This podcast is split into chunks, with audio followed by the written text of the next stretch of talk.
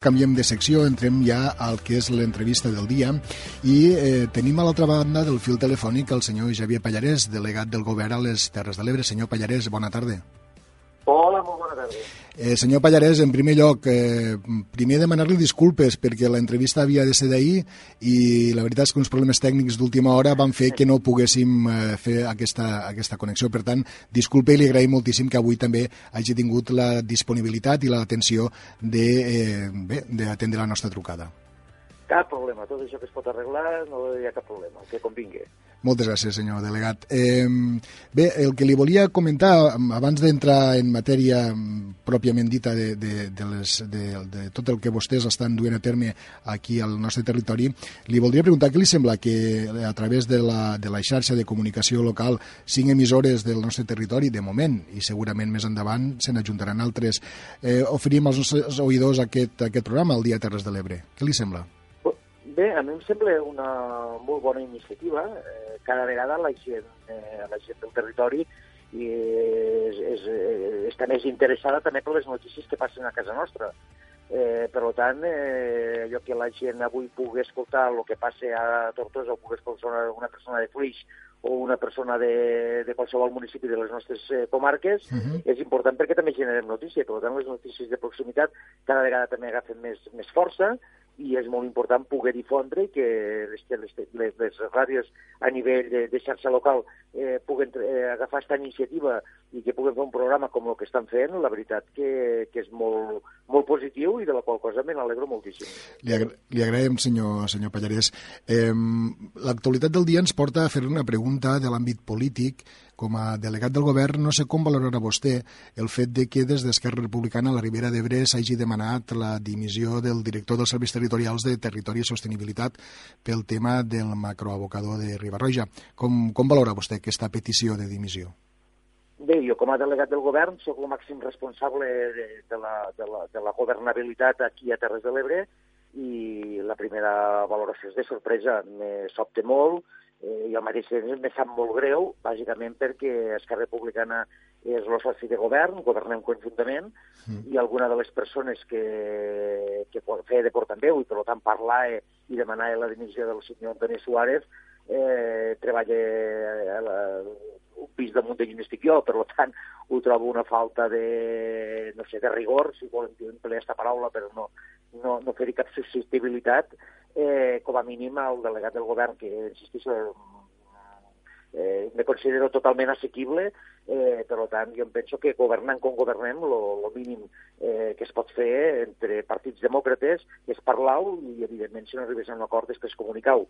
Bé, han agafat esta, esta, esta opció per la bronca, eh, i els demano que com a mínim també mm, creguen a, al conseller, el senyor Damià Calvet, que es va prestar per baixar el dia 14 a, la Ribera d'Ebre i abans de baixar el conseller ja tiren, bueno, qualsevol acord ja el tiren per la borda, per tant, jo ja dubto si és que realment el que volen eh, és aturar l'abocador de Ribarroja o persegueixen altres fills. Jo estic molt trist, eh, perquè penso que no són les maneres que s'han de fer les coses i el partit, que, com a partit demòcrata, ja sortirà i dirà el que té que dir.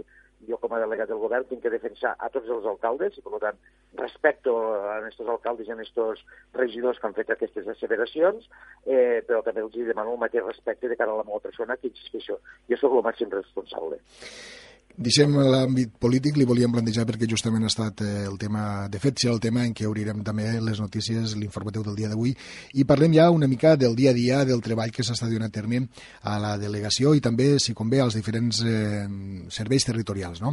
Un tema que voldríem destacar de l'actualitat fa referència a un projecte interdepartamental en què vostès estan treballant, una taula de l'oli, em sembla que és amb denominacions d'origen, Departament d'Agricultura, també el Departament d'Empresa.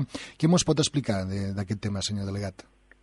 Bé, això és un tema que ja fa, ja fa jo diria que fa anys que està damunt la taula.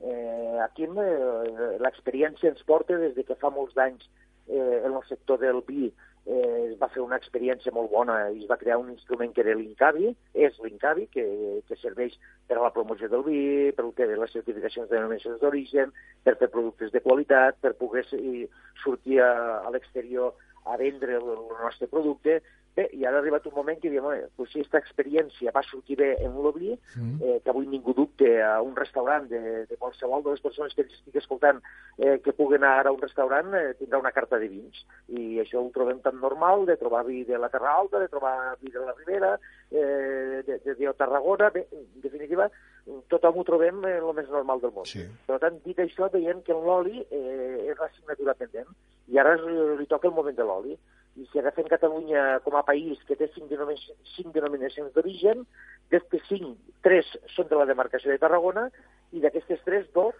són de Terres de l'Ebre. Per tant, entenem que tenim l'obligació, perquè eh, així les xifres ho diuen, de tindre que fer un pas més endavant en el tema de l'oli i poder crear aquesta taula de l'oli que precisament eh, hem de mirar d'arribar a conclusions i una de les conclusions és que realment, una de les propostes, és que hem de fer un cicle formatiu de grau superior per formar a, a, a gent jove i no tan jove a saber fer un vi de més qualitat del que estem fent, eh, un oli, perdó, de, de més, actu de més eh, qualitat de la que estem fent actualment, uh -huh. saber sortir a l'exterior a vendre i, en definitiva, eh, crear una, un instrument per part de la Generalitat eh, per a que pugui fer la mateixa feina que ha fet fins ara l'Incavi, que ha sigut una, una, un instrument que ha servit molt al món del vi i esperem que puguem crear entre tots un, un instrument també de cara al sector de l'oli per poder promocionar. I que el dia de demà poguérem anar a un restaurant de Terres de l'Ebre i que ens trobem una carta d'olis. I això seria, pues, com a mínim podríem dir, ja comencem a caminar en normalitat i comencem a caminar bé. I sens dubte eh, redundaria en benefici dels propis productors, en aquest cas de tots els pagesos de, de les Terres de l'Ebre, que eh, evidentment tenen en el cultiu de, de, de l'oli, en el cultiu de l'olivera, un dels conreus més, eh, més destacats i més bons, no? Correcte, nosaltres fem un producte de molta qualitat, l'oli de, de, del Baix Ebre Montsià i l'oli de la de Terra Alta són, jo diria, uns olis excel·lents, eh, però clar, tenim una cosa que no podem controlar, que és el mercat. Enguany mm. ha estat una vergonya que les olives eh, s'estiguen pagant al voltant dels 35 cèntims. Sí. Eh, clar, amb això és molt difícil que el pagès pugui continuar vivint. Per tant, diem, home, el mercat és molt difícil controlar-lo, per tant podem dir, sí, sí, farem no sé què i controlem el mercat. Sabem que això eh, no és real perquè, perquè quan vol no sé qui ens fa baixar el preu i, evidentment, llavors comencem a patir tots. Però una cosa que sí que podem fer és controlar el que és la producció, intentar eliminar costos de producció i intentar que el nostre producte, quan el posem a la venda, eh, puguem posar a uns preus competitius i al mateix temps que pugui competir en preu i en, cal i en qualitat i en un etiquetatge que la gent quan vagi al supermercat o quan vagi a la botiga del poble que sàpiga realment aquell oli d'on ve i quines qualitats té. Bé, això sí que ho podem fer. Per tant, controlar el que és la producció per eliminar despesa i controlar el que és la qualitat per a que l'oli sigui el millor possible i competir en grans olis que estan a nivell mundial, això ho podem fer. Per tant, és que anem aquesta feina. Molt inicial, això costa molt de fer, costa poc de dir, costa molt de fer, mm. però esperem i desitgem que de 15 anys eh, sigui tota una realitat. Canviem radicalment de tema, senyor Pallarès. Eh, en infraestructures, en tema d'infraestructures, que és una de les qüestions que eh, periòdicament surt als mitjans i, i en parlem als informatius i a les tertúlies, en tema d'infraestructures ara mateix, quins són els principals projectes que estan portant entre mans? Bé, ara en aquest moment tenim un projecte que és, eh, sabem tots que vam patir el mes de novembre un, un, un, un, un, una problemàtica dels aiguats, hem tingut que reestructurar, per dir-ho d'alguna manera, eh, les, los diners que tenim eh, per part del Departament de Territori, insisteixo, sí. en un pressupost esgotat, que per això sempre reclamem eh, que puguem fer un pressupost nou perquè llavors podem executar obres noves, però en el poc que tenim intentem eh, solucionar problemes. Estem arreglant a l'Ac12 de tota una sèrie de talusos que, malauradament, en, en els aiguats del mes d'octubre-novembre ens, van, ens van afectar la via, estem arreglant també, precisament, a Riba Roja d'Ebre, eh, uns talusos que, per millorar l'accessibilitat a, a l'estació d'un tren. Eh, tenim també temes eh, pendents que estem mirant de, de treballar eh, que, són, eh, le, que estaria inclòs d'esta anella viària del Delta. Bé, eh, són obres petites, eh, algunes de reforç, de ferms, eh, bàsicament sobre el tema aquest. Tenim obres i projectes nous, eh, un projecte que afecta també a Benifallet, com és l'accés a, a la pròpia Via Verda, molt reclamat pel municipi de Benifallet i per la gent de l'estació de Benifallet que regenten uns negocis i que veiem que és un punt negre del nostre territori. Bé, tenim temes nous, reforços també de la, de la carretera que va d'Horta fins a, fins a Bot i fins a Gandesa.